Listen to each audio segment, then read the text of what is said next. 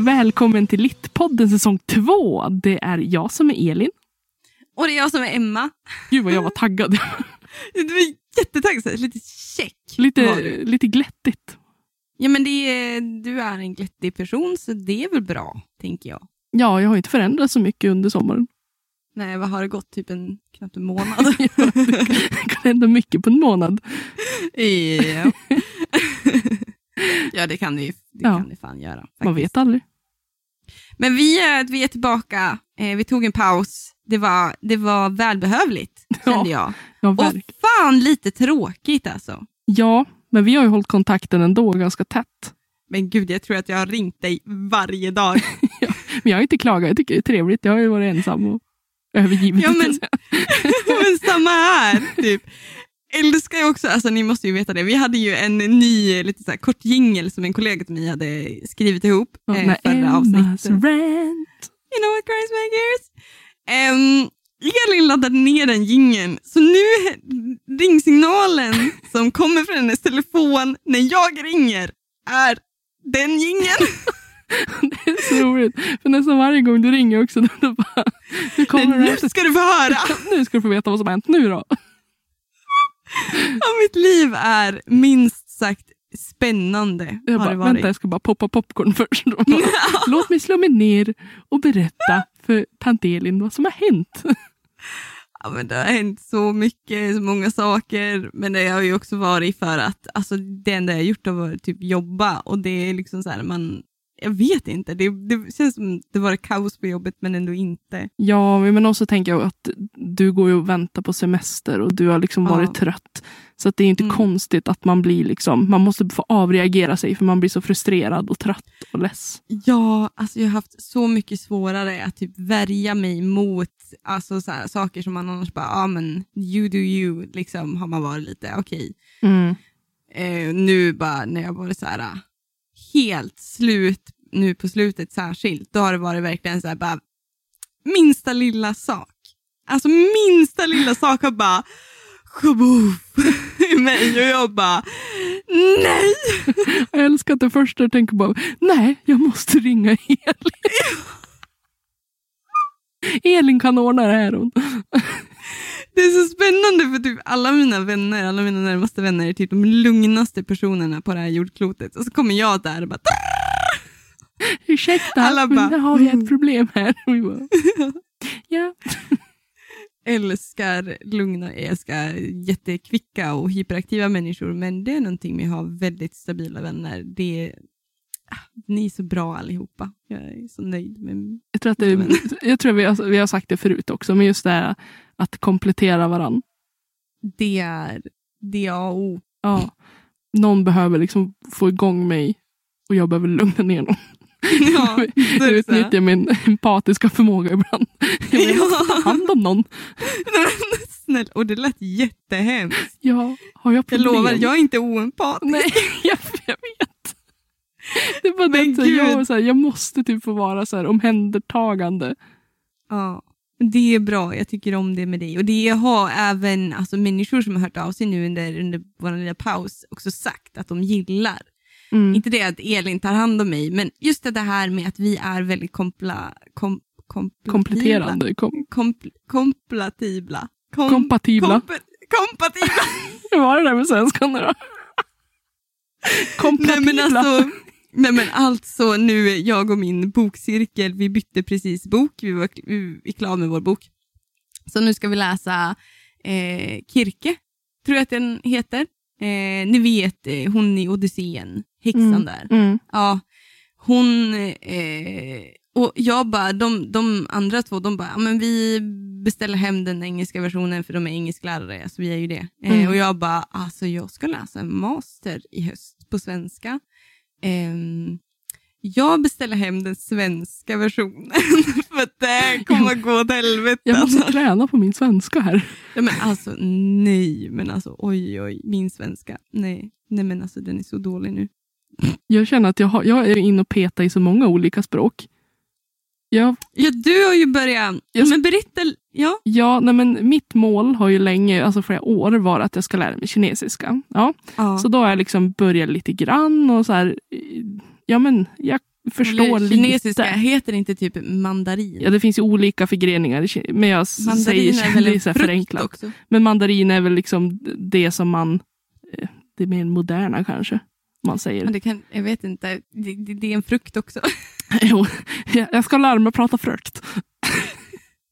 men i alla fall, Ja. eh, så jag har liksom en kompis i Kina då, som jag liksom, eh, ja, men typ frågar massa saker om kultur och sådär. Bara för att jag dels vill lära mig om eh, landet och sen språket. Men Mm. eh, jag gillar ju också koreanska. Eh, och nu har jag en koreansk kompis. Som, Mm. Och hon vill bli bättre på att prata engelska. Så Mm. vi kom överens om att ja, jag kan hjälpa dig lite med uttal och sådär. Eh, Mm. Och så ska hon hjälpa mig att lära mig koreanska. Mm. Så vi zoomade häromdagen och det gick faktiskt bra. Men Mm. jag blandar ihop i mitt huvud när jag försöker tänka. Då tänker jag liksom, typ, gud, vad, vad var kinesiskan och vad var koreanskan? Ah, Okej, shit. Kan du inte säga någonting? Oj.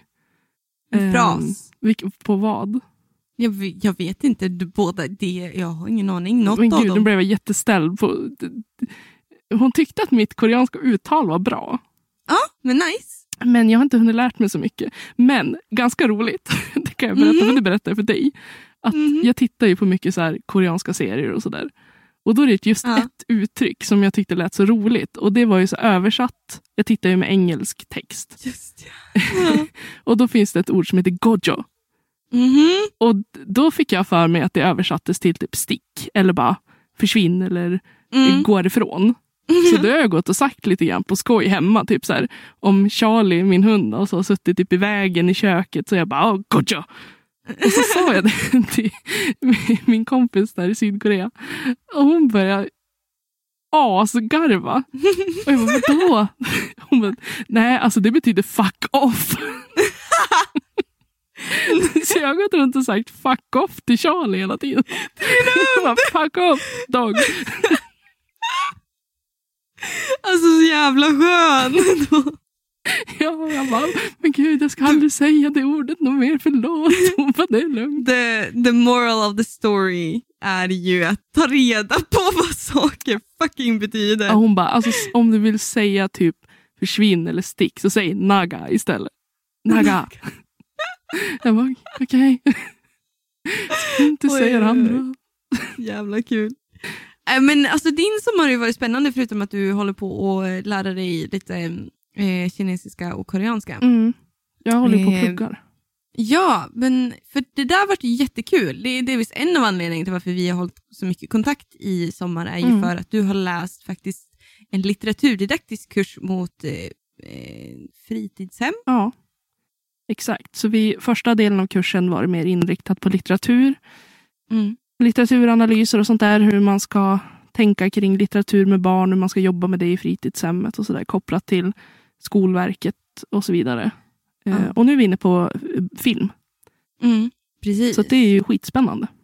Ja, väldigt, väldigt intressant har det varit. Jag Mm. är ju litteraturdidaktiskt utbildad mot grundskola och gymnasium och då komvux då Så Mm. för mig har det varit också jättespännande. Jag har ju varit jättenyfiken på dina tentor och på vad du eh, tänker och tankar och läroplanerna och sådana saker. Mm. Och det var du, saker som var liksom rätt så, du vet så här lite, eh, man tänker ju, nu tänker man väl inte alltid att det ska vara ett didaktiskt och pedagogiskt eh, tänkande kring vilka böcker du väljer till barn. Nej. Men det är ju så jävla mycket pedagogiskt tänkande från författarna, Ja. har, märkte ju vi. Ja, och jag fastnade ju verkligen i... Vi, pratade, liksom, vi har ju fått liksom, tänka om barnlitteratur ur olika perspektiv. Bland Mm. annat om genustänk. Då, liksom. Ja. Genus och kön. Och jag fastnar ju i det där. Hur Ja. framställs till exempel flickor i vissa böcker? Ja, men Eh, exakt. Och jag hittade ju, vi skulle då eh, jämföra liksom två, tre verk med varann. Ja. och hitta, liksom, prata om dem ur eh, då ett visst perspektiv. Och jag valde då genus. Eh, och jag tycker att det är så intressant Mm. att just det här, det är så vanligt att flickkaraktärer ska framställas som em, så moderliga, omhändertagande. Precis. Eh, och det, Du fastnade ju mycket vid typ Hermione i Harry Potter. ja, att hon, dels så ska flickorna vara intelligenta, de ska vara väldigt kunniga i allting och de ska vara lösningsorienterande och de ska vara omhändertagande. De får Mm. liksom inte, och så dessutom ska de nästan alltid vara ett kärleksintresse. Ja, jag vet. De får aldrig bara vara liksom en i gänget, utan det ska alltid Nej. vara, Det måste, kom, det måste ändå finnas något kärleksintresse ja, där. precis. Ja. Och det spelade liksom ingen roll, för jag jämförde ju då, jag pratade om Charlie blir en T-rex i för, förra avsnittet. Ja. Eh, och där är ju barnen då nio år. ja. Och till och med där sexualiserar man ju en, en flicka. Alltså hon blir ju Ja. ett kärleksintresse på ett sätt.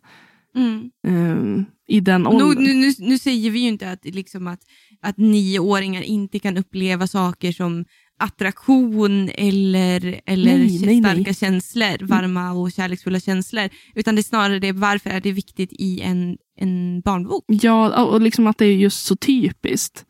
Och jag Ja, tycker verkligen precis. att den boken är bra, så jag säger liksom inte att det är dåligt. Men det, det var ju ändå ett mönster som man ser återkommer i flera av de här barnlitterära böckerna. Ja, och det är ju just det som störde dig och mig lite, att det är just den här grejen att det är återkommande, det är i stort sett alla Ja, nästan. ja. Det är så få böcker, barnböcker som jag i alla fall vet om. Annars får ni gärna typ säga, alltså ge oss förslag på barnböcker som in, där tjejerna inte någon gång blir ett kärleksintresse. Mm. Eh, någonstans det handlar om det. För att det där, när jag började tänka mer på alltså det stereotypiska bakom genus och kön Mm. i böcker så började jag på riktigt på allvar börja fundera på till exempel vår litteraturlista på jobbet. Mm. Där eh, vi utvecklade den innan sommaren, innan vi gick på semestern gjorde vi klart den. Och en sak som vi alla i den gruppen insåg är att det har aldrig funnits en genus och queer-bok. Alltså, med, alltså just den, det, det. Mm. Den, den någon så här, kämpar med, med sådana funderingar eller med identitet på det, i den vinklingen. Nej. Utan det har alltid varit det här äh, stereotypiska. Ja.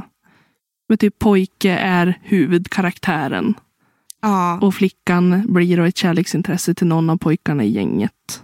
Precis. Och aldrig liksom vare sig det att det faktiskt inte är något kärleksintresse alls i boken. Det är ju väldigt sällan, kan jag Mm. tycka. Det är ju, brukar alltid slinka in en liten sån här, liksom, ja men hon är så fin eller det, det, det finns alltid någon sorts, något sorts fokus på det heteronormativa. Mm. Någonstans. Eh, Ja men verkligen. eller, eller så finns det ju inte heller det här, jag, i de skolorna där jag har varit eh, har ju det bara varit liksom oturen att där har det, jag har inte sett det, jag har inte mött det, jag har inte märkt att det har varit fokus på icke-heteronormativt Nej. i undervisningen av litteratur. Och det är så otroligt problematiskt. Ja, och att det liksom behövs ju fler perspektiv och fler, alltså Ja. fler olika karaktärer, karaktärsdrag. Inte bara eh, alltså, det vi pratar om, men också Nej. ja, men massa annat. Ja men exakt. Och nu, nu valde vi en... Eh, I vår litteraturlista så valde vi boken Boy Meets Boy. Nu kommer jag inte ihåg författaren eh, som blev tipsad. Som jag fick som tips från eh, min, eh, kom, vår kompis Joel Ranneblad Mm. som vi också intervjuade förra året. Och det är ju då fokus på alltså, det det homosexuella. Ja. Eh, och sen identitetssökande och det här med att växa upp och sådana saker. Mm. Eh, men också det här med fråga, frågor om familj och eh, svårigheter i livet utöver just det liksom hbtq. Mm. Men jag vart så här, liksom, ja men jag gillar den. Boy Meets Boy, den tycker jag är bra. Eh, så jag bara, ja men okej, jag skulle vilja ha till en till. Så jag försökte, jag snöade in mig på att jag skulle ha en med något sorts icke-binärt tema. Mm. Och jag fan, alltså jag vet inte om jag är sämst, men jag hittade fan ingen. Nej. Nu ska det vara engelska 6-nivå, så att det, det finns ju icke, med fokus på icke-binärighet, men det ska ju vara en viss nivå av litteraturen på engelska också. Ja. Eh, men nej. Men Oj. jag kommer ihåg att du pratade om, just i det avsnittet där vi intervjuade Joel, så Mm. pratade du om en Ursula Le Guin-bok. Ja, precis. Och det var min första tanke. Mm. Där, är, där är det ju, det är ju icke-binärt Mm. på sätt och vis. Ehm, det kommer ändå in alltså, inslag av dåtiden. Alltså det är ju ett barn av dess tid. Liksom. Ja. ändå. Jag kommer inte ihåg när, när den släpptes. Men, och sen så är det lite för hög nivå Mm. alltså av det engelska språket tyckte jag. Så jag gav inte ens det som förslag till Nej. min grupp. Ehm, sen kan jag ha fel i det också, men jag, jag nej. Det är i så fall den. Ehm, men det är, nej. Jag vet inte, jag varit lite chockad bara. Ehm, Det är ju liksom, det är lite konstigt för att det känns ju inte som någonting nytt liksom för 2000, eller 2021 eller 2022. Nej. Utan det har ju varit tal om det här ganska länge nu, tycker jag i alla fall. Ja, och jag tycker det också, det finns säkert jättemycket. Det är väl, bara, och det är väl också en annan chock, liksom en självinsikt också. Är jag så dålig? Har jag, varit, eh, jag kan ju tycka att jag är rätt så bevandrad i litteratur. Jag läser liksom, eh, fan jag är insnöad på mina, mina genrer, men jag är ändå noga med teman och sådana saker. Mm. Vad vill jag ha ut av boken? Ibland, ibland är det bara nöjesläsning. Ja. Och jag, fick, jag fick liksom göra en liten check med mig själv. Bara, du är dålig på att söka på det här temat. Du är dålig på att bevandra dig inom just det här med icke-binärhet i olika genrer, olika böcker. Du, do better, typ. Mm. Så vart det. Och det är en väldigt, det, det är sådana saker, jag blir inte ledsen över sådana saker. För det, vad, vad, liksom, vad ska jag göra? Jag, jag kan inte sitta där och sura. Eh, men det är viktiga sådana saker och det kanske du också märkte nu när du läste litteraturdidaktik. Att man måste göra checks med sig själv som lärare ständigt. Mm. Jo, ett Alltså tips var ju ständigt. också, de pratar väldigt mycket om att du måste ju läsa också, om du ska ta in någonting i klassrummet, Ja. så måste Ja. du ha läst noga innan. Eh, och det känns ju för mig ganska självklart. Nu har ju inte jag någon bakgrund, jag har inte jobbat med barn på det sättet. Mm. Men det Mm. känns som att jag ska kunna stå för det jag tar in. Alltså, så jag vill, jag skulle, alltså, om jag var i den positionen så skulle man inte vilja bli chockad. Att så här, oj, det här var kanske lite för grafiskt för den här målgruppen. Eller Ja. eh, att man måste vara noga. Jo, det måste man vara. Det tycker jag också. Alltså, det är ju delvis för bedömningens skull. Alltså, du måste ju kunna veta vad du ska bedöma. Du måste ju kunna veta ifall eleven har valt ett relevant tema om de ska göra en analys av ett huvudtema. Mm. Eh, och kunna argumentera för varför den, det, är ett god, det blir godkänt eller, eller en komplettering eller ett icke godkänt och så. Ehm, mm, men du måste ju också någonstans, alltså det där är också väldigt svårt. Alltså, ja, du kommer ju vilja läsa det eleverna läser för Mm. att just ha koll på bedömningen. Jag kan dock tycka att du där det snarare handlar om att vara ödmjuk inför att du inte är allvetande. Nej, men jag tänker, att man Elever komma- jag tänker att åtminstone att man har koll. Till exempel eh, kan ju teman som våldtäkt, självmord och så vidare. Det kan ju vara någonting som triggar eh, Mm. inte bara barn men också vuxna. Så Mm. jag tycker att det kan vara fair Mm. att ha läst igenom så att man vet att den här boken innehåller de här teman. Mm. Att man kan förbereda Mm. då den tilltänkta Mm. mottagaren på att det här kommer att eh, finnas med. Mm. Så att jag Mm. vill att ni förbereder på det. Jag tycker inte att man ska gömma Mm. undan litteratur. Men att Nej. man åtminstone förbereder människor för att man vet aldrig hur någon reagerar på sånt. Ja. Jo, för det var också en sån här grej, för det där är också väldigt spännande. Ehm, jag kan ju tycka att det, det är vikt, vi, vissa viktiga saker ska finnas, alltså vi har ju alltid i de högre skolorna, tänkte jag säga, i grundskolan, gymnasiet och i komvux, då, på komvux så har man ju oftast rullande litteraturlistor. Och då betyder det att man har en lista med litteratur Mm. eh, från olika genrer med olika riktningar och olika tider och olika eh, kulturer. Mm. Eh, men man sitter också och väljer litteratur utifrån vad, vad är, är det här för bok? Vad, vad kommer eleven behöva fundera på? Mm. Så delvis det att då måste du läsa in dig på det för att vad finns det för alternativ för eleven att fundera på? Kommer det här locka eleven att läsa? Kommer de tycka det är kul att göra en litteraturanalys på den här boken Mm. eh, eller de här böckerna? Eh, eller, eh, och sen så också bara vad kommer dyka upp? Ehm, men vi, det, det där är också väldigt svårt för att det är till exempel, eh, vi har använt oss av Kite Runner och den är ju väldigt bra bok. Eh, nu är jag lite less på den för jag har läst analyser på den eh, i typ två år. Men, men den har ju till exempel det här med då våldtäkt i sig. Ja. Eh, och då specifikt ett övergrepp av män mot män. Eh, Mm. Vilket är väldigt problematiskt. Eh, och disturbing för dig som läsare. Alltså det det är jätte, den är en jättebra bok. Alltså det är en jätterelevant grej att prata om tycker jag och sådana saker och han gör det värdigt. Eh, men, eh, och det är satt i, liksom i, i kontexten av Afghanistan tror jag. Mm. Så det är väldigt mycket snack om kultur och allt vad som kommer in från liksom den österländska världen som man själv som västerländsk och skandinav kanske inte vill tänka på många gånger. Nej, alltså man kanske inte är Ehm. så... eh, att man inte vet så mycket om heller. Nej, man är inte så förstående Nej. för heller. Eh, man, där är ju vi, det, det är ju en sån generell grej att där, det, där kan jag tycka just den scenen och det the pivotal moment som det blir av huvudkaraktär, för huvudkaraktären blir också en liten check för dig att, att skaffa dig lite mer empati. Mm. För att sådana här saker, det är baserat på upplevelser och berättelser som författaren har samlat på sig och sen skrivit då en story om. Mm.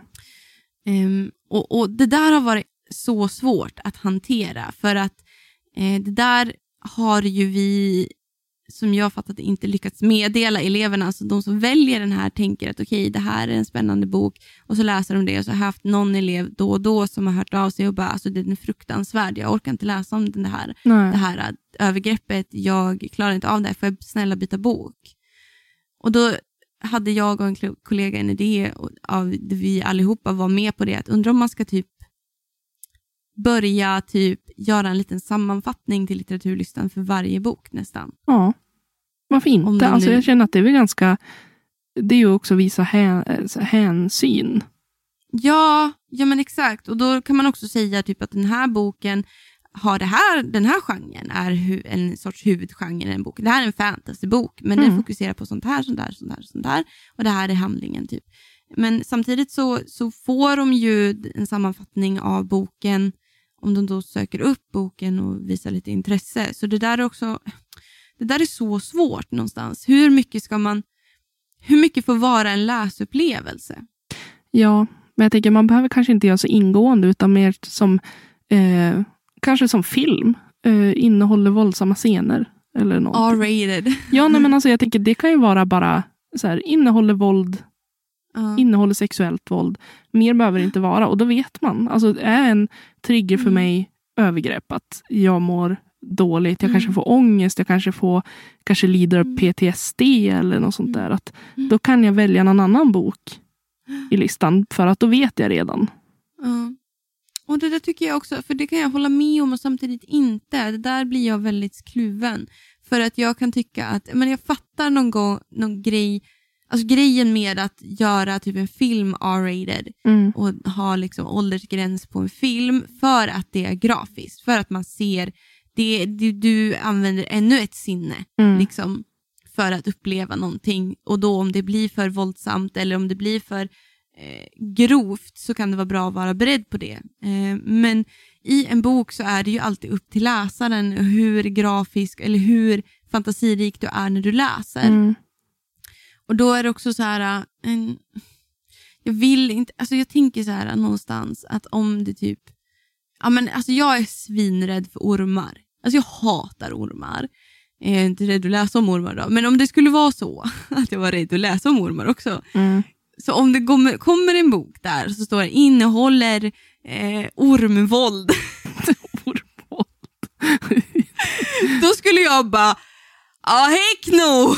Nej, alltså jag, alltså jag tänker att det här är bara för de absolut Mm. Alltså jag tänker just sexuellt våld eller självmord. Eh, sen fobier och sånt där. Ja, men alltså, sånt kanske det är svårt att undvika. Alltså så här, om man nu har en ormfobi som du säger så är det ju svårt Mm. att undvika att läsa eller se någonting om ormar för resten av sitt liv. Det går inte. Det är inte hälsosamt heller att Nej. begränsa sig på det viset. Men jag tycker Mm. när man har, speciellt då som om man har med barn och ungdomar att göra, som Mm. kanske inte som kanske dels inte tänker på att kolla upp böcker själv, Mm. eller så, och man inte vet heller hur de hanteras, och man vet inte deras hemsituation. Mm. Liksom de, ingen som kanske, man vet ju inte om det är någon som finns där för dem, Mm. om det är så att de har det tungt, att de läser någonting och de upplever att det är jobbigt. Mm. Jag tänker vuxna, alltså jag, för jag, jag tänker till mig själv om jag har någonting som jag tycker är jobbigt att läsa om. Jag är ju ändå Mm. vuxen så att jag kan ju aktivt välja böcker och jag kan aktivt kolla upp Jo, böcker. men nu, nu är ju det här komvux, så det Ja. är ju vuxna människor. Ja, Men ja, precis. men jag tänker just kanske- eh, alltså, för yngre Fritidshem. barn och Ja. ungdomar så kanske det kan vara bra just med triggervarningar. Mm. Ja, det där är också väldigt spännande för att det där upptäckte jag när jag jobbade lite snabbis på, en- högstadieskola innan jag, började, innan jag flyttade till Umeå. Mm. Ehm, att där tog de hem boklådor. Mm. Då hade läraren valt ut, då, ehm, som jag jobbade gemensamt med, då hade hon valt ut böcker, precis som en litteraturlista, och så hade hon beställt hem massa exemplar och så fick eleverna plocka och läsa baksidan böckerna. Mm. Och jag kommer ihåg att vi pratade om det där, för jag, det var innan ens jag hade någon pedagogisk utbildning som helst, eh, ens en litteraturdidaktisk utbildning, att jag kommenterade lite den här grejen att men, men väljer, ni inte, väljer ni inte böckerna gemensamt? För att det var någonting jag uppskattade väldigt mycket när jag gick i, i högstadiet, vi fick gå till Alltså vi fick ju gå till biblioteket eh, och välja böckerna själv. Mm. Den, den som fanns det så här, ja, det skulle en viss omfång, du skulle kunna klara att läsa ut den på en viss tid. Ehm, sen så kommer jag inte ihåg så jättemycket av mitt, gym, min gymnasietid. Um, stress blackouts, it's a thing. Ehm, så att jag, det kan ju vara så att det var, det var noveller som vi valde tillsammans som min lärare bestämde. Nej, alltså jag kan inte komma ihåg. Undrar om jag måste fråga typ Josefin eller någon. För nu vart jag jätte... Nej. Och det där tycker jag är så svårt. Ehm, och det, det lång, lång fundering till en konkret fråga till dig Elin. Ja. Hur tänker du? Tänker du eh, det är inte så svart och vitt, men vad tror du är sundast? Är det pedagogen som ska välja böckerna eller är, måste barnen, eleverna få välja själv? Utifrån hur du, vad du har läst nu. jag, jag tror, jag vet inte om man kan mötas någonstans på mitten. Jag tror att det är bra att ha alternativ. Mm. Men jag tror också på att, för jag tänker att varje bok också ska tillföra någonting enligt läroplanen. Att man jobbar ju utifrån Mm. läroplanen och kanske med vissa teman och sådär. Och att jag tänker att det är Mm. svårt om, om man bara har fria händer att ja, men gå och välj ut en bok. Mm. Att det är lättare att få till, jag tycker litteratursamtal är ju alltid bra. För att man Mm. lär sig väldigt mycket av att analysera en handling. Och om man nu Mm. pratar om en bok ur ett särskilt perspektiv, oavsett om det är klass eller etnicitet eller sexualitet och så vidare, Mm. så kan det Mm. vara bra att man har begränsad, att du får välja kanske ur en litteraturlista. Att Mm. de här kan du välja, den som du tycker känns mest intressant av de här. Men att du ska liksom läsa den utifrån det här, alltså så här, Mm. du ska ändå liksom, det ska finnas någon röd tråd om det ska vara ett litteratursamtal också. Mm. Och Jag tänker att det är rätt så viktigt också för de som är så här super indecisive som jag är Mm. eh, och inte kan typ bestämma sig. Jag kan ju stå hur länge som helst och bara, vad ska, vad ska jag läsa? Eller liksom något sånt där. Ja. Ehm, och det, det, det håller jag nog med dig om. Men jag tror ju på, det har ju alltid varit min tanke, varav därför jag tänker nu fortsätta med min intertextualitet på mastern. Nej, men min tanke är det att det måste finnas också den här eh, det måste finnas ramar, men det måste också finnas möjlighet att gå utanför ramarna. Mm. Så jag, har jag har haft en tanke nu på senaste att typ, att om man då kör på det här intertextuella spåret, att du står som lärare där och kanske har valt, en, inte en klassiker, men ett verk som du tycker framhäver ett visst tema eller en gestaltning eller ett fokus som du behöver ha. Mm. Eh, som du vill lära ut till dina elever eller ni vill prata om en saga eller, och så vidare. Ja. Men att då ska eleverna hitta matchande bok. Mm. Ja, men jag tror att det är ganska smart, för jag tänker att det triggar också dem att få dels tänka själv. Det är Mm. svårt att bara kapa någon annans på internet, typ ur, ur kund och liksom ta någon annans summering eller ja, sånt där. Och att man verkligen Mm. får göra jobbet själv. Att tänka och att ens åsikter och ens eh, uppenbarelser, eller vad man ska säga, att Mm. de är Mm. viktig och att din Mm. läsning är viktig. Så jag tror Mm. att det är skitsmart.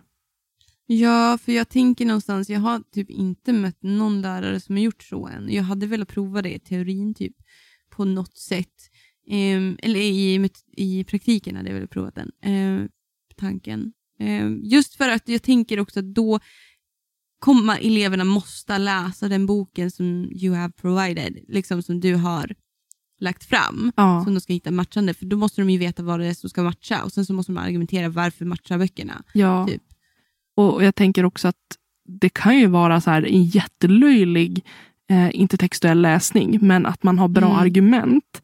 Mhm. Och att det är argumenten som så här ska göra att, att, du gör liksom din åsikt hörd. Att det kan ju vara något så här skitdumt som man själv tycker. Liksom. Ja, Att, ja, men jag, jag kan inte se stolthet och fördom i typ eh, Dr. Susie Grinchen till exempel. nej. Men har nej. du bra argument och får liksom träna på att vässa dina argument.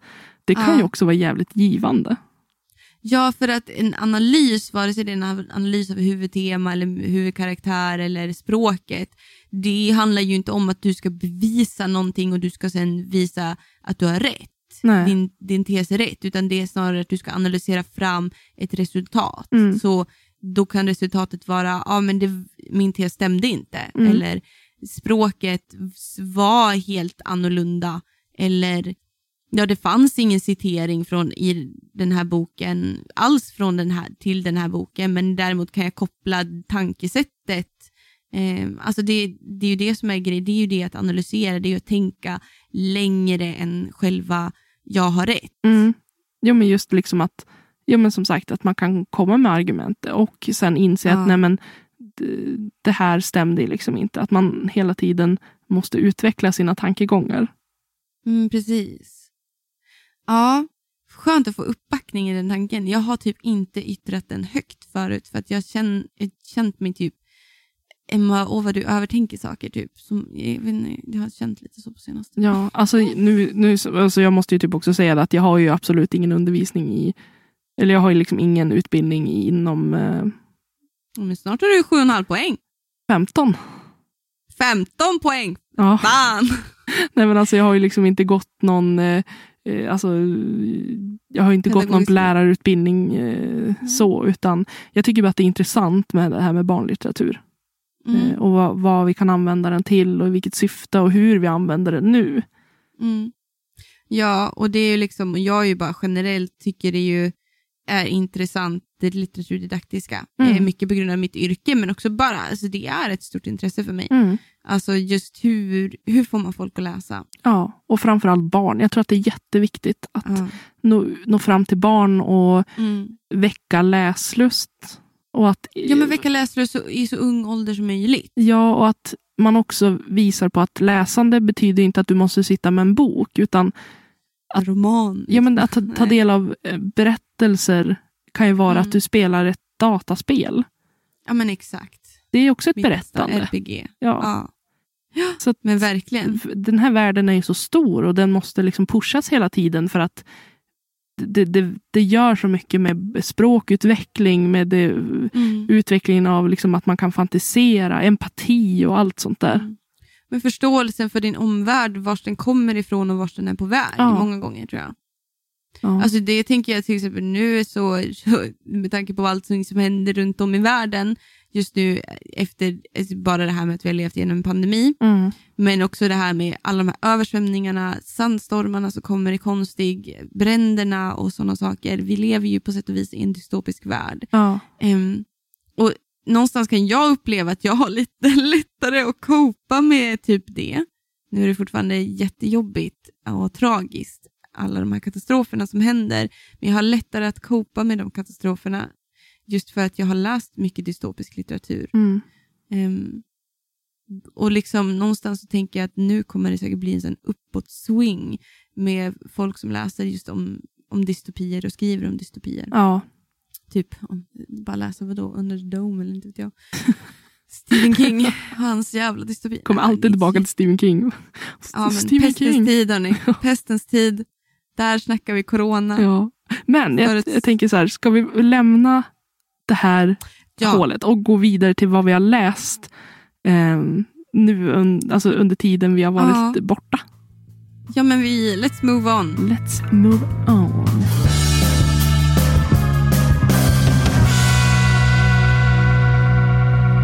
Så ehm, jag hade ju en lista med böcker. Du hade inte en lista. Eller du hade en jag hade inte en lika lång lista. Jag, jag tog två böcker. Och Ja. du hade 302 böcker. Jag tror att det var typ sex böcker. Ja, men det var ju enormt mycket mer än vad jag hade i alla fall. För jag kände, och Ja. ändå har jag inte läst de två böckerna. Jag har läst andra böcker. ja, ja. Jag har inte haft, alltså så här, Dels, jag sa ju att jag ville läsa Nattpatrullen. Nu har jag, kommer jag inte Ja. ihåg vad författaren hette, men han var rysk i alla fall.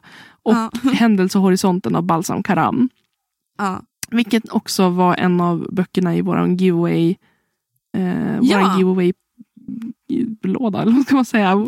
Giveaway, Paketet i våran giveaway. Ja, men precis. Grattis Agnes. Ja, eh, och jag kände liksom att eh, jag har ju lagt till den i min läslista. Jag har den på Storytel. Det är bara Ja. det att jag har liksom inte haft tid. Jag har inte haft ork att ta Nej. mig an för att det, det känns ganska mörk. Ja Och jag tänkte, jag är... Alltså, Apropå dystopi. ja, nej men alltså jag slutar i skolan den 15 och börjar då igen. Jag tror att det är vecka 35, slutet av augusti, början av september där. 31 augusti börjar vi i alla fall. Ja, jo, men då är det ju samma för oss. Eh, och då tänker Mm. jag att mm, där när jag har liksom blivit klar med skolan, den stressen är över, då ska jag ta tag i åtminstone hä- händelsehorisonten och nattpatrullen, tänker jag att i mån av tid, för den är så himla tjock. Ja, det är den. Jag tror inte du kommer hinna båda böckerna. Men jag tänker att det är höst. Jag, när jag kommer Ja. sitta där uppe ensam i Umeå på mitt studentrum, att jag vill Ensam i Umeå. Välkommen hem till mig känner jag bara. Ja okej, Men fine. Men, inte du får sitta hos där dig ensam då. varje dag. Alltså Robert kommer bara, men jag vill vara ensam med min fru. Jag bara, nej men alltså jag ska ligga här mellan er i natt och så. Han jobbar så mycket övertid ändå. nej men jag tänker så här, att det, det kan vara bra att ha någonting, liksom bara och nöjesläsa i höst. Mm, ja men alltså absolut, det tycker jag. Eh, Men jag har ju läst som sagt andra böcker. Men du hade Mm. ju som sagt en lista. Ska vi Mm. börja med att beta av så här, vad, du, vad du hann läsa av dem? Ehm, men jag läste ju Sarah G. Maas böckerna. Ja, vilken bok är du på nu? Du har läst ettan och tvåan trean. Sen så släppte hon ju två till. Eh, en fristående, eh, lite sådär med ett annat perspektiv. Eh, som handlar om de två karaktärerna Nesta och Cassian. Ehm, som jag för övrigt tycker om. Men jag, jag hann inte, jag började läsa första kapitlet och så, så bara, mm, nej jag orkade inte riktigt det där. Så då tog jag den andra boken som också typ är en fristående, fast det är inte det. Det handlar om samma, samma karaktärer. Mm. Men sen så hoppar du mellan karaktärer. Den heter A Court of Frost and Starlight, tror Mm. jag. Eh, något sånt där. Ehm, och den är typ som en början på någonting som ska bli en spin-off, Ja. som jag fattar det. Eller en fortsättning på hela den här serien. Eh, om de här, eh, om, eh, om Fair och Riz, heter de ju, huvudkaraktärerna där. Mm. Så ja, jag eh, är då inne på fjärde boken och Eh, har nosat lite på femte. Och ja. Eh, Alltså, vill du veta en Mm. sak? Nej. Jag la till första Jo. boken och började lyssna på den. Eh, ja, alltså hittills är jag inte så imponerad faktiskt. Nej, jag, jag, mm, jag eh, har typ lyckats övertyga en av mina bästa barndomskompisars eh, sambo att hon ska läsa den också. Eh, men förvarnade henne att du kommer ju inte gilla första boken. Eh, så hon ska försöka hålla ut. Ehm, så att eh, det känns som att jag har ofrivilligt, frivilligt eh, peppat den här boken till de flesta runt omkring mig. Men alltså, så jävla seg i början. Ja, den är lite seg i Ja, början. men alltså, men jag, tänkte, eh, jag kommer ju för fan ingen vart. Hur långt har du kommit? Har hon mött Tamlin än? Nej, alltså hon har ju, nu vet jag inte, jag kanske spoilar, men spoiler, spoiler. Ja, hon dödar ju någon varg Ja, och sköt Okej, han typ med flera pilar och bara död din jävel. Nej, Ja. det sa hon inte. Men, ja men typ. Men det var ju verkligen så här. och, jag- alltså, innan hon gjorde det, man bara, men snälla, kan det hända någonting? Hon bara gå där och bara, ah, det, jag är rädd att det ska komma ett djur. Åh, oh, det var ett rådjur eller vad fan det är. Mm. Ja, Det är så det jävla där, segt. är- ja, det där, det- hon, hon är inte jätteduktig på att introducera en berättelse.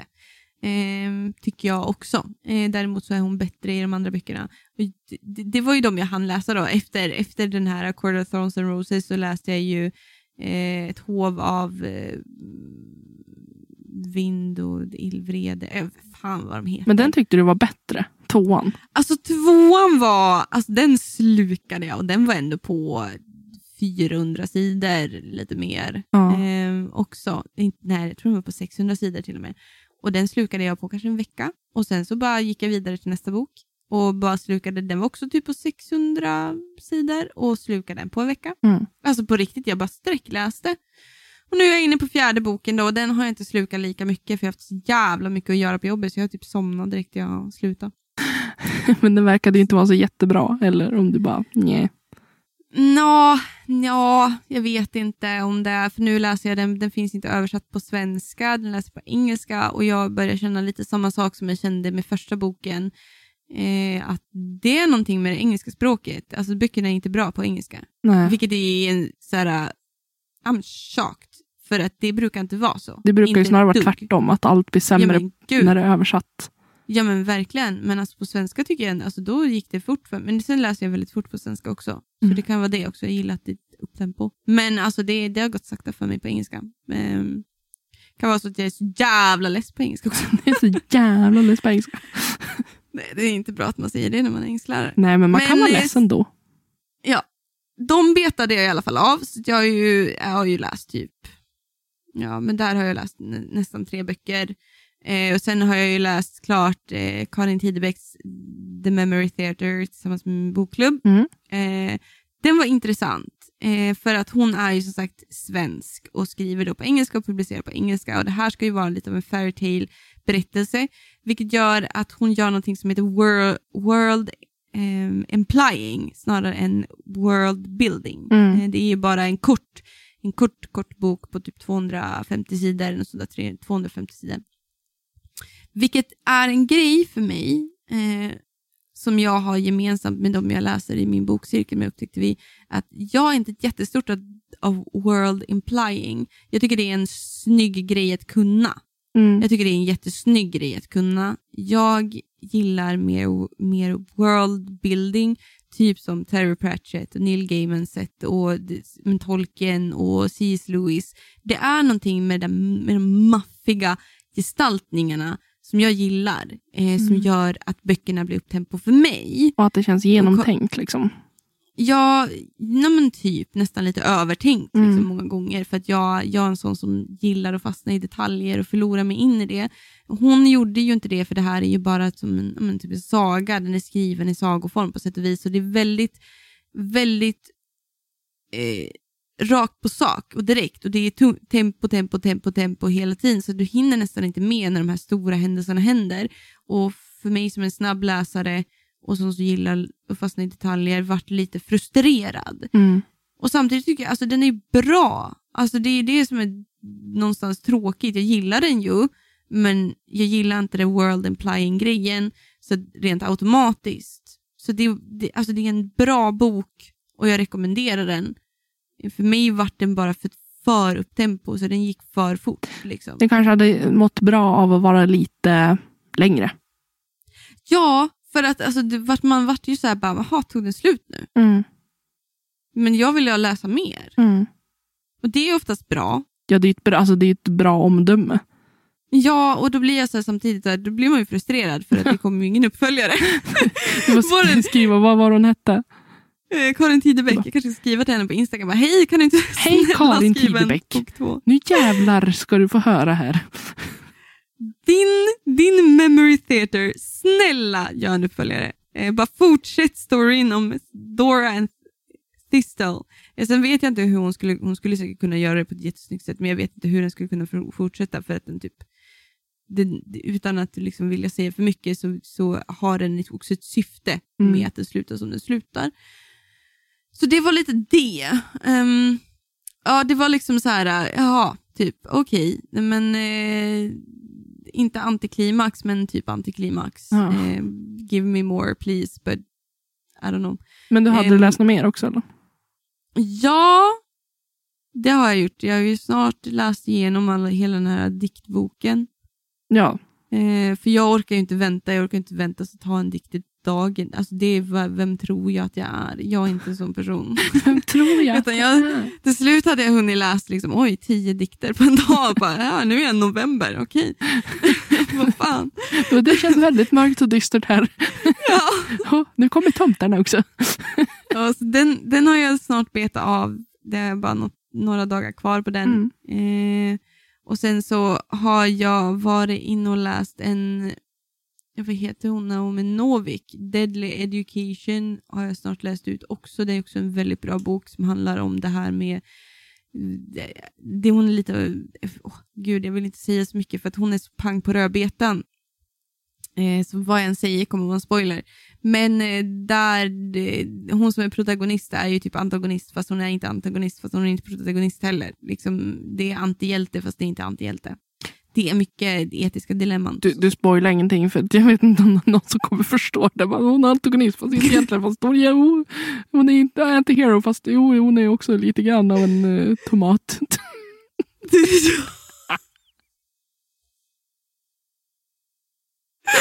ja!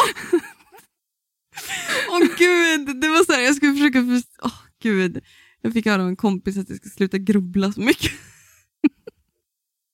ja, men, det är För att liksom, allting, all, så fort jag ska beskriva en känsla, beskriva någonting, när folk beskriver saker i, i typ trekant, så blir, alltså mitt är ju bara, det är som ett barn som har stått och målat på en tapet.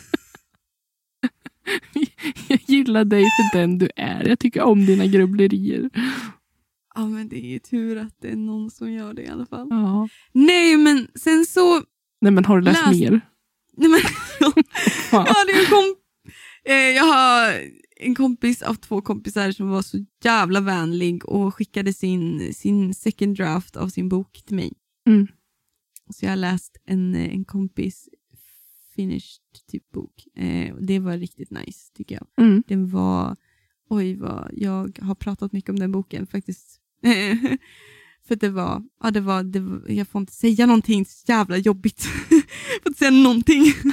Men alltså det, den, my heart was broken Mm. några dagar efteråt. Ehm, och så, Alltså, har jag läst det här och det här? Åh. gud jag börjar svettas. Det var någon till bok jag hade läst också. Eh, eh, men eh, den kommer jag inte på nu. Däremot har jag börjat, eller börjar jag fortsatt skriva på eh, min short story som nu inte längre är en short story. Nej, den är ganska... It's a long story. It's a very long story. Eh, så den, var, den läste jag igenom. Mm. Och sen fortsatte skriva på min Liemannen och hans kaffekopp. Som den heter just nu. Det är väl inte den rubriken, som kom, eller titeln sen, om den någonsin blir klar. För att den handlar inte riktigt om Liemannen och hans kaffekopp längre. Det handlar om Emma Grönholm och hennes... Hennes, Hennes relation till Liemannen. Ja, den. Jag och min kaffekopp, det var min enda vän den Alltså ni är ju typ, ni sitter ihop så här. Ja, men långhalm. best friends forever. Nej men okej, nu, det här var jättelångt. Jag pratar jättelänge om mina böcker. För fan vad jag läser mycket. Ja, Jävlar. jag kan ju, jag sluta kan ju ta berätta om plats. boken jag har läst. Berätta om din enda bok du har läst den här sommaren. Jag, jag jag orkar inte berätta om böckerna jag läste i skolan för att det är så många, jag kommer typ inte ihåg. Eh, Harry Potter. typ. ja, den och så massa andra. Charlie. Alltså det är Ja. skitmånga böcker. Eh, Vörsten och veganen hette en. Den var, ganska, den var faktiskt bra, finns på Storytel. Eh, inte för att det här är reklam, men eh, det var där jag läste den i alla fall. Inte för att det här är reklam men I wish. Storytel. Storytel, om, du- om, om du lyssnar nu. om ni lyssnar nu, I kind of need eh, som gratis månader. Nej men eh, okej. Eh, och så läste jag typ eh, rum 213. Mm. Eh, ja, men, mycket. eh, Ja, den stora vänliga jätten till exempel. Eh, Ja. men nöjesläsning har jag inte hunnit med så mycket. Förutom då jag läste en bok nu senast som hette Har du det med dig? Ja, Den brutna kvinnan av Simone de Beauvoir. Säger man så? Oj, oj, oj, oj, oj, Mm. Alltså, nej men jag älskar ju henne. Hon, är ju, hon, hon skriver så fantastiskt. Då. Mm. Eh, och det handlar ju om en kvinna i övre medelåldern. Mm. Som hennes, eh, hon har två döttrar och är gift. Och de här döttrarna har lämnat hemmet. Den ena har gift sig, den andra har flyttat till Amerika. Det här utspelar sig ju i Frankrike. Då. Mm. Ehm, och hon känner liksom att äntligen kan mitt liv börja och jag och min man, vi ska, liksom, vi ska ha det så trevligt tillsammans. Nu ska vi passa på att njuta av varandra som vi inte har kunnat gjort um, Mm. medan barnen växte upp och sådär. Mm. Och så tar det ett litet tag och då eh, insåg hon att han har en annan kvinna. Eh, han bör, det börjar ju väldigt så här typiskt att han drar sig undan. Han eh, är inte lika kärleksfull. Det är mycket han eh, jobbar över väldigt mycket och så vidare. Mm. Och eh, det här knäcker ju henne naturligtvis. Hon är ju väldigt förälskad i sin man. Mm. Och han vill liksom fortsätta träffa den andra kvinnan. Han vill fortfarande ha kvar sin fru. Men han vill inte ge upp sin älskarinna. Och alla Mm. vänner till den här bedragna kvinnan då, de säger ja, men låt han hållas. Han är en man. Han, du vet, ibland de attraheras av yngre kvinnor. Det är, låt han hållas, han kommer komma tillbaka till dig. Bara låt det här vara. Mm. alltså jag blev så jävla jag blev så jävla irriterad när jag läste den här. För att jag bara, ja, det är fortfarande liksom relevant. Ja, det är Otrohet det värsta jag vet. Det, alltså, det är ingenting som kan få mig att bli så jävla arg. Som när folk bara, ja, men alltså, otrohet är väl ingenting. Jo, det är Det är en sak som händer och gör. Ja. Folk gör. Eh, nej men om man får följa, det här är som skrivet i dagboksform, i jag-form då, av den här kvinnan. Och man får följa liksom hennes tankar, hennes desperation kring eh, den här otroheten och veta att han delar sin tid med en annan kvinna. Och så känner hon Mm. att han drar sig längre och längre ifrån henne. Mm. Och, och hon märker liksom att han älskar ju sin älskarinna mer än vad han gör mig. Mm. Och det, eh, den är väldigt tung. Eh, Mm. Men hon har ju ett sånt fantastiskt språk och man blir så fängslad. Ja. Och den känns så äkta. Det, jag, Tror hon upplevde det själv? jag vet inte. Det känns ju som att det här är väldigt eh, självupplevt. Eh, Det är väldigt, och just det där att folk försöker lägga ansvaret på den bedragna. Att Mm. du har, liksom, du har tappat ditt utseende, du har gått upp några kilo, du ser inte lika bra ut som du gjorde förr, du är inte lika engagerad i din man, så Mm. därför förtjänar du att bli bedragen. Du får skylla dig själv. Lite så eh, Mm. gå tongångarna, liksom, att du måste, du måste bli bättre för att han ska komma tillbaka. Och lägga skulden på henne, det, det gör ju att hon börjar tvivla på sig själv. Mm. Och att hon då försöker låta honom få den här tiden med älskarinnan. Och det är det som jag tycker blir så hjärtskärande. Mm. Att hon ger så mycket Hon- av sig själv och att han är högst medveten om att vad han gör sårar henne. Men Mm. att han bryr Nej. sig inte. Han, så, här, så länge han får som han vill. Mm. Ja, det, men jag kan verkligen rekommendera den. Den var, den var jätte, jättebra. Den, den, den touchar ju verkligen då på det här eh, den lycklige ignorante mannen. Ja, Mannen som inte vill eh, uppmärksamma pat, den patriarkala strukturen som vi alla lever i och ja, att kvinnan förväntas vara pleasing. ja. Jag ska se när den här skrevs. Alltså den, den, är inte liksom, den, den är ju ändå gammal. Mm. Eh, men den känns väldigt relevant. Den kom ut 67. Det är ju ett tag sedan. Ja, Fan. och hon beskrivs som att hon har ju varit hemmafru och han säger ja, men du gör ju ingenting på dagarna. Du borde ha tagit ett jobb. Du borde ha utvecklats intellektuellt. Du skulle ha studerat. Eh, 67! Like, what the fuck dude? Det är ju inte direkt så att det var så, här, så jävla lätt för en kvinna att fucking få göra vad hon ville då. Nej, speciellt, alltså, ja, den här kom ju ut 67, men den, Skrevs väl tidigare? ja, liksom, den utspelas väl kanske den tiden, men då är hon ju redan medelålders. Eh, De Ja. gifte sig typ 30-40-tal. Och då, alltså, då var ju de flesta hemmafruar. Tog Ja, hand om barnen. Exakt, eller förväntades det. Vi förväntas ju fortfarande det. På sätt och vis. Eller nu ska du ju både vara successful och vara hemmafru fan. Ja, men du ska ju Men, vara eh, liksom perfekt på alla områden och plan. Liksom, du ska, Ja. du ska liksom träna regelbundet, du ska ha städat Mm. hemma, du ska Mm. eh, vara social, du ska ha mycket Mm. vänner, ni ska ha parmiddagar och ni ska liksom leva ett aktivt liv. Och så bara, men fan får jag bara vara då? Mm. Nu duger bara jag. Ja. Måste jag hela tiden försöka bli bättre? Men nej, alltså jag kan verkligen rekommendera den här boken. Mm. Den är väldigt stark, väldigt bra. Mm. Mm. Och så har jag börjat läst, eh, jag läste ju i kurslitteraturen var det ju lite manga också. Ja! Eh, Apropå manga, just ja, den läste jag också. H.P. Lovecraft har de ju släppt, eh, The, The Mountains of Madness tror jag den heter. Den, den finns som manga nu.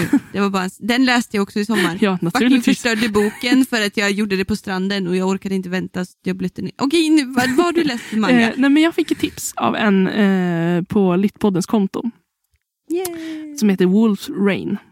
Ah, Eh, och eh, jag börjar med den idag. Jag vet inte riktigt vad jag tycker om hela grejen. Nej, du störde dig ju jävligt mycket på det här att man läser åt fel håll. Ja. Jag, har Ja. jättes, jag blir jättestörd. Det stör mitt flyt. Jag, jag förstår Mm. också att det tar ett tag att komma in i och att ju mer manga Mm. man läser, desto lättare blir det. Mm. Eh, det är just det att, nej, jag vet inte. Men jag ger den ett försök. Jag har ja, både ettan och tvåan har jag köpt hem. Så att jag har ju Ja. uppenbarligen eh, ambitionen av att ge den ett försök. Men jag Ja. vet inte vad jag tycker om det här. jag tror, för du är den andra kompisen till mig som börjar upptäcka det här med manga, att det där är ju också väldigt, alltså det är en sån egen kultur. Mm. det här med anime och manga. Det är liksom, det är inte van, nu vill jag alltså inte egentligen säga så, men nu gör jag det och får bli rättad då, men det är inte riktigt vanlig läsning på det sättet som vi kanske är van att läsa i västerländsk kultur. Nej. Delvis för att det är ju grafiska böcker. Alltså manga betyder ju grafisk bok. Ja. Ehm, så. Eh, och sen så är det ju lite annorlunda v- vad man fan skriver om och sen också illustrerar. Det är ju, det är ju så att jag har ju läst manga sedan jag typ var 11 Mm. och det, det, det, var, det var mycket allt ifrån incest till tidelag och det var helt normalt. Eh, det, du har ju David Wolves Rain så är ju de vargar. Ja. Liksom. Så. Eh, och så.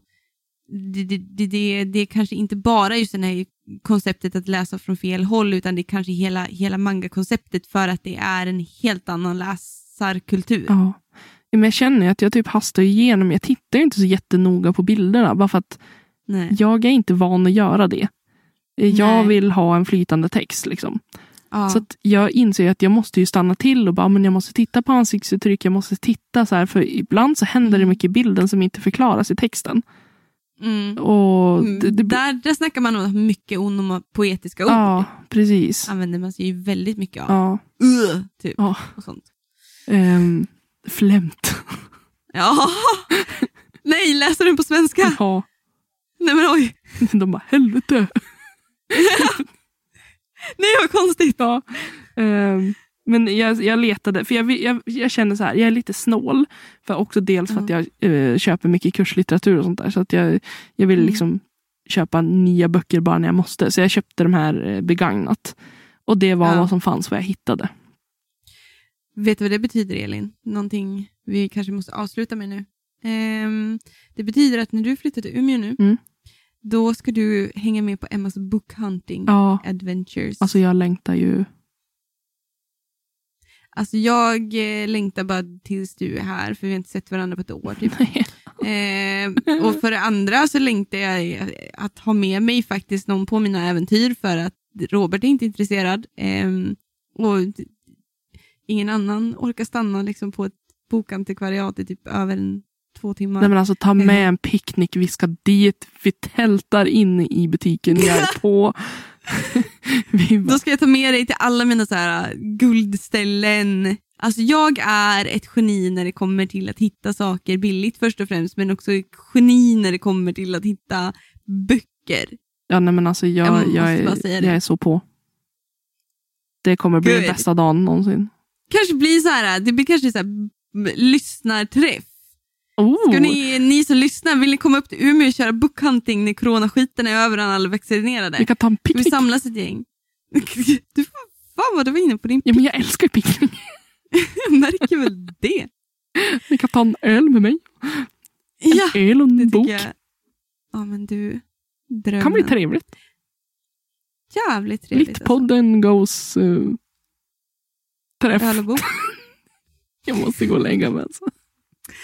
Nu är vi at the end of it. Det här var, det var en kul start. Ja. Nu så, det här var också lite flytande, precis som vårt senaste, sista avsnitt på säsong ett. Men det är väl som det är. Det är en mjuk, Det- Ett mjukt avslut och en mjuk eh, tillbakakomst. Comeback. Ja men kanske det. Ni fick höra oss nörda lite Ja. eh, om allt möjligt. Vi eh, kör vidare och nästa avsnitt kommer ju vara lite mer uppstrukturerat Ja. och lite mer fokuserat. Eh, så stanna gärna kvar.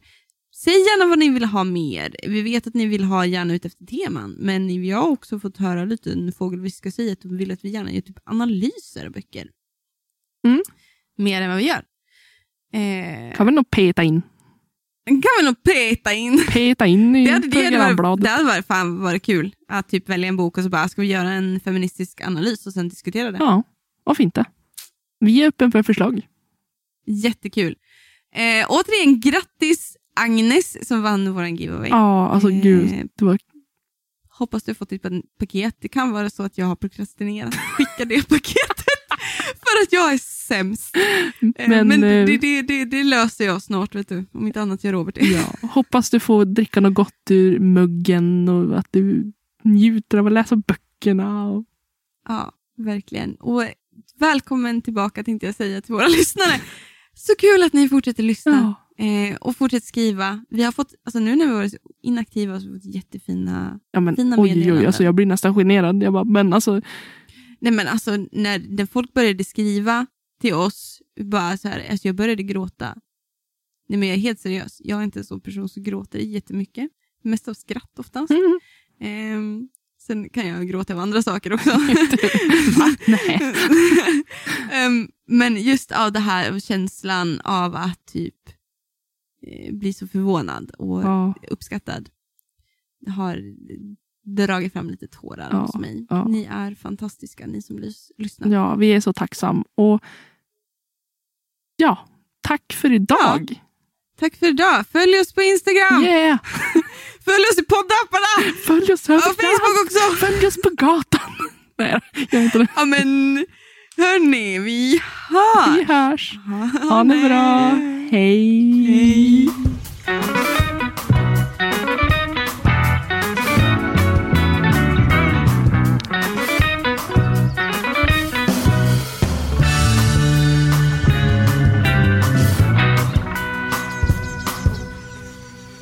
Vad har Virginia Woolf och Sylvia Plath för någonting gemensamt? Förutom att de är kvinnor och författare. Virginia Woolf ställer frågor i sin essä Ett eget rum om vad hade hänt om Shakespeare hade haft en syster. Ehm, och med samma intellekt och samma ambitioner, samma talang. Sylvia Plath ifrågasätter strukturer. Om att få leva i en drömvärld, att tro på drömmar och sen se omvärlden krossa de drömmarna. Virginia Woolf tog sitt eget liv 1941. Sylvia Plath tog också sitt liv efter en längre depression. Virginia Woolf är en pionjär i vad har kommit att forma feministisk litteratur men också modernistisk litteratur och vår samtid. Sylvia Plath har även hon varit en pionjär i att skriva om, om mål och om mörker och om livet och samtiden. Vi har läst Sylvia Plaths Johnny Panic och vi har läst Virginia Woolfs bland annat Ett eget rum. Och vi tänker gå lite på djupet och se vad kostnaden av intellektuell frihet är. Och behöver det verkligen kosta så mycket? Måste det kosta ett liv? Ni har lyssnat på Littpodden med Elin Oslin och mig, Emma Granholm. Musik och klipp av Magnus Kjellson och Robert Granholm samt Henrik. Management av Ida Berglund. Tack hörni för att ni har lyssnat.